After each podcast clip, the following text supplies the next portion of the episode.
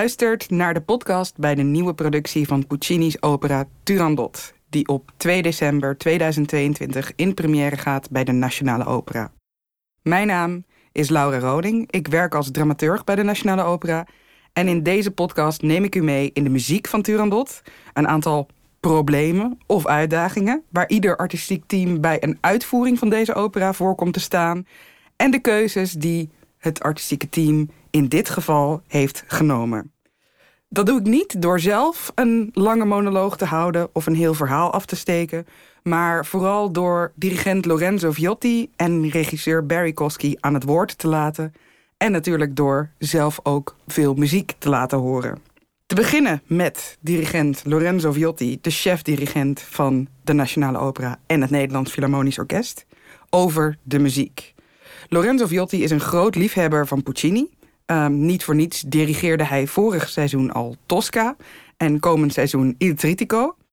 Maar dit is wel de eerste keer dat hij Turandot dirigeert. En dit is wat hij zelf te zeggen heeft over zijn indrukken van de partituur. You know, when you, when you listen to that music and when you open the score as a conductor, you are thinking, what the hell? This is so genius. This is incredible. So rich, so modern from the time. And I cannot stop thinking, what would Puccini have composed if he would not die? It would have been madness, really. In this opera, you have the most incredible orchestration. He, he, he takes so much risk in putting some instrument together, um, colorful, horrible passage, aggressive, nasty, poetic, sensual, erotic. It's just everything in two hours of music. It's really, I think, for a conductor, one of the best score to work on because you need to be able to work every type of techniques of composition with an orchestra and with singers. And especially you have an incredible part for the chorus. It's really a chorus piece. Zoals Lorenzo Viotti zegt, is uh, Turandot een opera die uniek is in Puccini's oeuvre. Puccini sloeg er andere wegen mee in dan eerder in zijn carrière. De opera is groot, extreem. Er hangt een sfeer van angst, tegelijkertijd van sensualiteit. En het is een echt experiment. En dat horen we ook meteen in de openingsmaten van de opera. Wanneer een overheidsdecreet wordt voorgelezen en de angst als het ware in de lucht hangt. We horen ook instrumenten zoals een xylofoon en een gong. En door de manier waarop deze instrumenten worden ingezet, horen we meteen of voelen we meteen een sfeerbeeld van angst en, en exotische, exotistische spanning. Wat meteen wordt gezegd is, en ik vertaal het alvast wat u zo gaat horen. Inwoners van Peking, de wet luidt als volgt. De kuise Turandot zal de bruid worden van die man van koninklijke bloeden... die de drie raadsels oplost die zij hem opgeeft. Wie de uitdaging aanvaardt, maar het antwoord schuldig moet blijven... moet zijn trotse hoofd aan de bijl overgeven. En dan gaan we daar nu naar luisteren.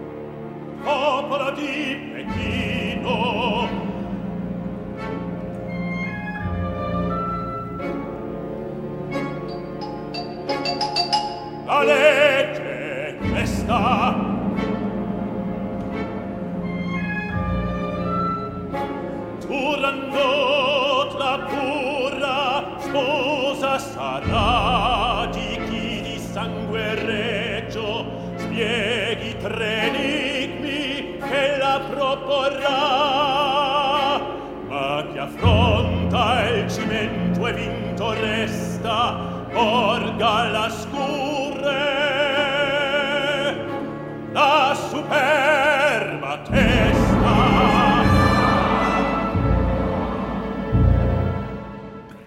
Zoals meteen duidelijk gemaakt wordt, gaat deze opera over de koude, de kille prinses Turandot, die iedere huwelijkskandidaat drie onmogelijke raadsels voorlegt.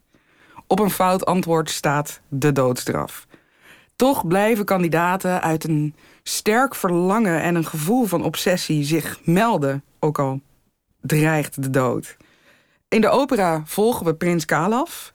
Hij raakt gefascineerd, geobsedeerd door prinses Turandot, gaat de uitdaging aan en het lukt hem wel om de drie raadsels op te lossen. Wanneer Turandot, die die raadsels heeft ingesteld omdat ze onder geen beding wil trouwen, in paniek raakt wanneer het Kalaf lukt, geeft Kalaf een eigen raadsel op. Als Turandot voor het ochtendgloren zijn naam kan achterhalen en noemen, hoeft ze niet met hem te trouwen en geeft hij vrijwillig zijn leven op. Het lukt de prinses, ondanks een, een uiterst fanatieke poging om die naam te achterhalen, niet om dat te doen. Wanneer Kalaf aan het slot zijn leven alsnog in haar handen legt, ontdooit ze plotseling en ervaart ze een golf van liefde. En de twee zullen trouwen aan het eind. Eind goed, al goed. Of niet. Om nog even terug te keren naar iets dat Lorenzo Viotti heeft opgemerkt en dat ook in uh, deze productie belangrijk is, is de grote rol die Puccini heeft weggelegd voor het koor. Meer dan welke andere Puccini-opera ook, is dit een kooropera. De massa keert telkens opnieuw terug op het podium. Het is haast de polsslag van het werk. En bepaalt in iedere, iedere scène waar ze in voorkomen de handeling en de reactie. De individuele personages hebben eigenlijk alleen betekenis in relatie tot de massa, de grote groep. Een rationele eenheid is deze groep niet, want zoals de regisseur Barry Kosky het zegt, het is haast een, een schizofrene eenheid. Het ene moment zijn ze bloeddorstig, vreed en doodeng. Het volgende moment zijn ze opeens teder, vol medelijden en lieflijk. In het fragment dat nu volgt is dat ook goed te horen. Eerst horen we teksten over zwaarden die moeten vonken van het vuur en blinken van bloed. Ze zijn bloeddorstig om vervolgens plots om te slaan en in een sfeer van heiligheid of plechtigheid de maan aan te spreken. Daar gaan we nu naar luisteren uit de eerste acte.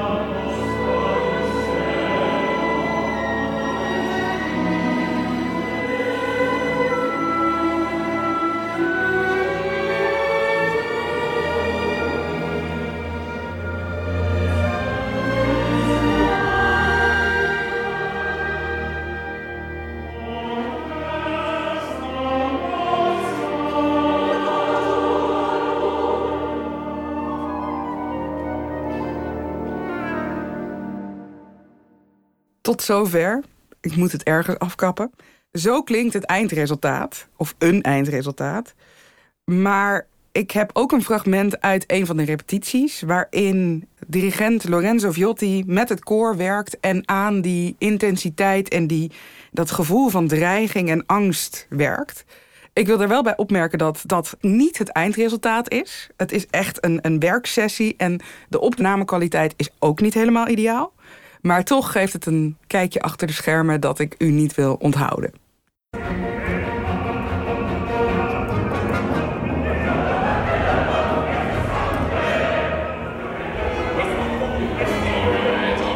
Hier kapt Lorenzo's af omdat ze wat uit elkaar lopen. We do it one more time. So, chorus. Can I have your last la la la la la la la directly a cappella, please, with me. Eh, One. Okay, okay. So this is in the entire opera the loudest, the scariest moment that we need to hear. Normally you are behind the stage, so it's even more scary. But we need to have like extraordinary aggressive pitbull chihuahua together singing. But it has to be terrifying. Hij wil dat het klinkt als de combinatie van een chihuahua en een pitbull. Doodsangstig.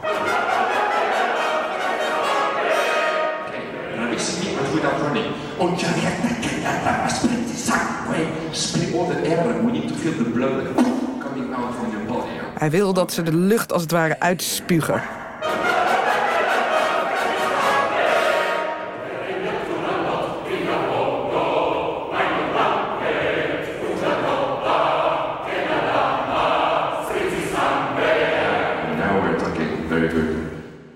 En dat is wat hij wil horen van het koor. Minder zacht en romig, meer hard en intens. En angstig. Of beangstigend, liever gezegd. Dan de opera en de uitvoering ervan. Want de muziek, zoals we hebben kunnen horen, is uiteindelijk de doorslaggevende reden om Turandot uit te voeren. Eh, de intensiteit ervan is, is groot.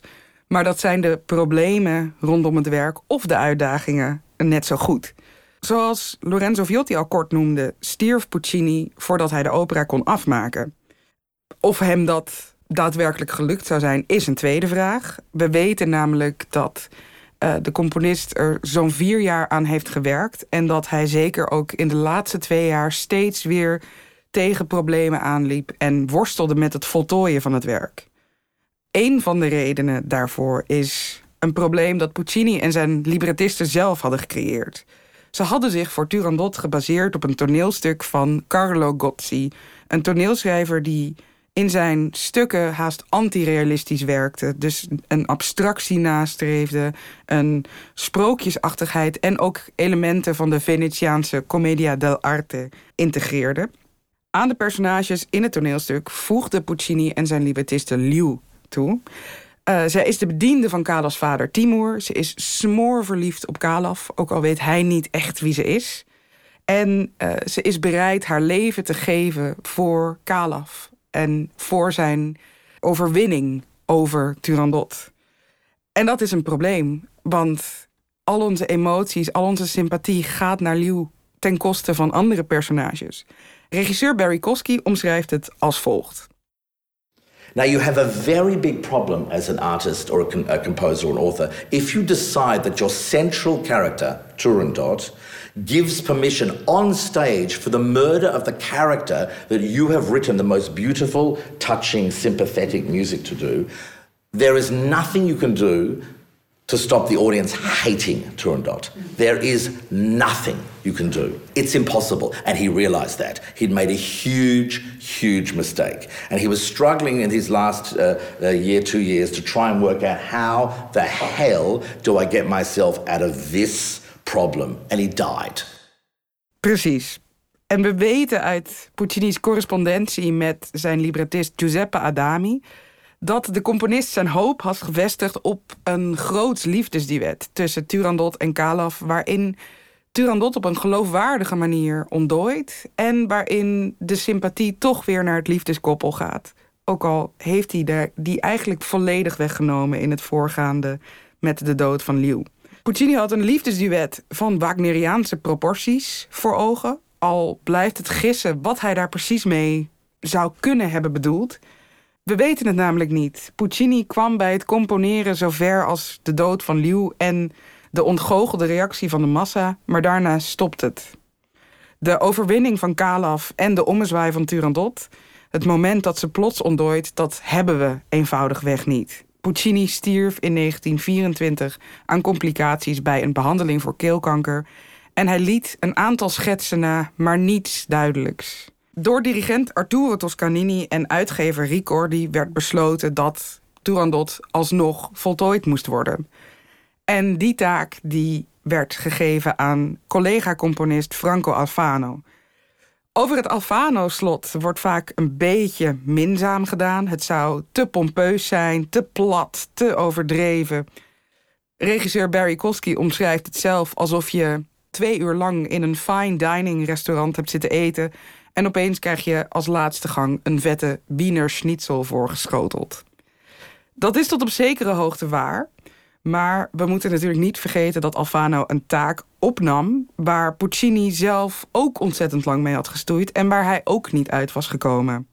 Bovendien had Alfano ook nog te maken met de enigszins dominante dirigent Arturo Toscanini, die erop stond dat er voor de première van de opera nog een flinke hap uit Alfano's compositie zou worden geschrapt.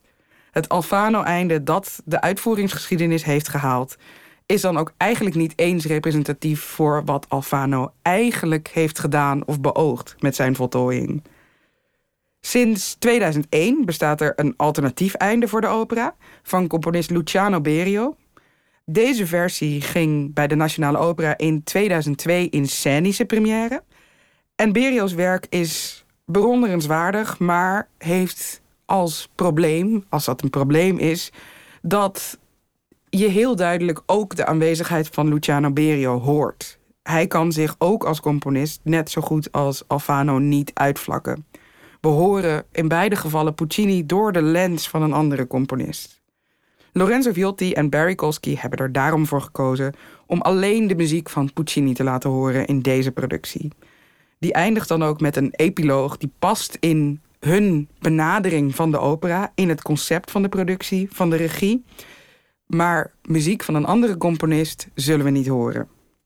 Een derde probleem van de opera, behalve de kwestie van het einde en de dramaturgische problemen rondom de dood van Liu en het sentiment, is dat uh, Puccini zijn opera situeert in China. Een China dat weinig met het echte China te maken heeft. We weten dat Puccini wat Chinese melodieën verzameld had voor op zijn schrijftafel, maar die heeft hij als het ware omgevormd in zijn eigen compositie. Voor zijn eigen doeleinden. En niet zozeer om een authentiek China neer te zetten. Het oosten van Puccini is, net zoals dat van veel van zijn tijdgenoten, een exotische, spannende en vreemde wereld waarin de regels van de westerse wereld niet gelden. Dat is zeker nu, nu in, in tijden van globalisering, waarin we ook bewuster met dit soort onderwerpen omgaan. Een probleem. Laat je een Chinese setting zien. Wat betekent dat? Wat doe je? We weten dat het niet echt is. Barry Kosky is er als volgt mee omgegaan, zoals die zelf in eigen woorden gaat vertellen. It was my intention from the beginning, a few years ago, when I started working with Michael, that we wouldn't do anything Chinese, not even anything Asian. That there is enough Orientalism in the orchestra We do not need to see that duplicated on the stage. We don't need to see people in Chinese costumes. We don't need to see people in Chinese makeup. It's enough that they're called ping, pang, and pong that we have to sort of think in the 21st century, oi, oi, oi. But we don't have to. We assume these, these characters are, are, as in most operas, metaphors and archetypes for something else. So it was very clear to us that we wanted to do nothing uh, on the stage that had any sort of generic Asian aesthetic, let alone a Chinese aesthetic. Dan dringt de vraag zich op: wat doet Barry Kosky wel met deze opera? Hoe brengt hij Turandot en hoe tackelt hij de problemen van het werk? Voor Barry Kosky was een van de sleutelzaken het besef dat Turandot, anders dan Puccini's andere opera's, weinig met realisme van doen heeft. Zoals hij zelf ook uitlegt. This opera is complicated because, in a way, Puccini was going against everything that he'd done for all his career. For the Bohemes, the Butterflies, the, the Manon Lescaus, the Toscas, the Triticos, this, this idea of heightened realism, uh-uh-uh. No, he went, started to go backwards into ritualized um, abstraction. Piece Turandot has more connections, I think, with those wonderful mystical folkloric Russian operas of, say, Rimsky-Korsakov than it has to do with any other Italian Verissimo pieces. Aldus Barry Kosky. Wat voor hem dan wel de sleutel is voor het werk, is het chaotische, angstige en incoherente karakter van de opera.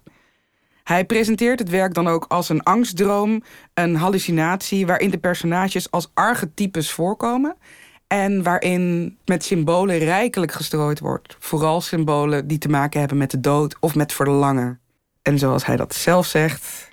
I said, I feel we have to go into hallucinations. I feel we have to go into the world of dreams. It's the opposite of Tosca.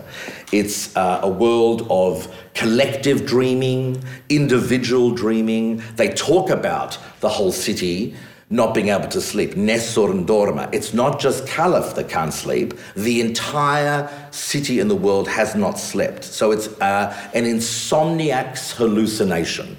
The, the idea of the production is the, the people in a state of crisis.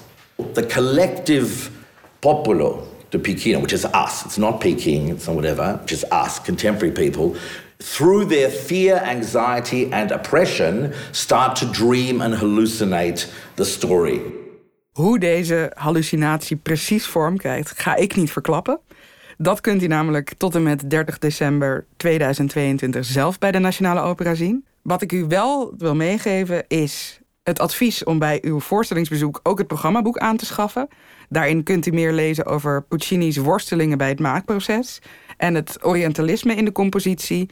En ligt Barry Kosky nog iets meer van zijn visie op het werk toe. Ook kunt u 45 minuten voor aanvang van de voorstelling de inleiding door operakenner Benjamin Rouse bijwonen. Ook een aanrader, aangezien hij heel andere zaken zal uitlichten dan ik in deze podcast. En tot slot, u hoorde in deze podcast ook een opname van Turandot.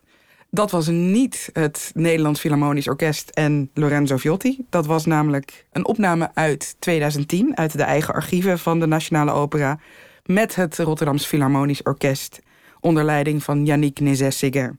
Ik dank u hartelijk voor het luisteren en veel plezier bij Turandot.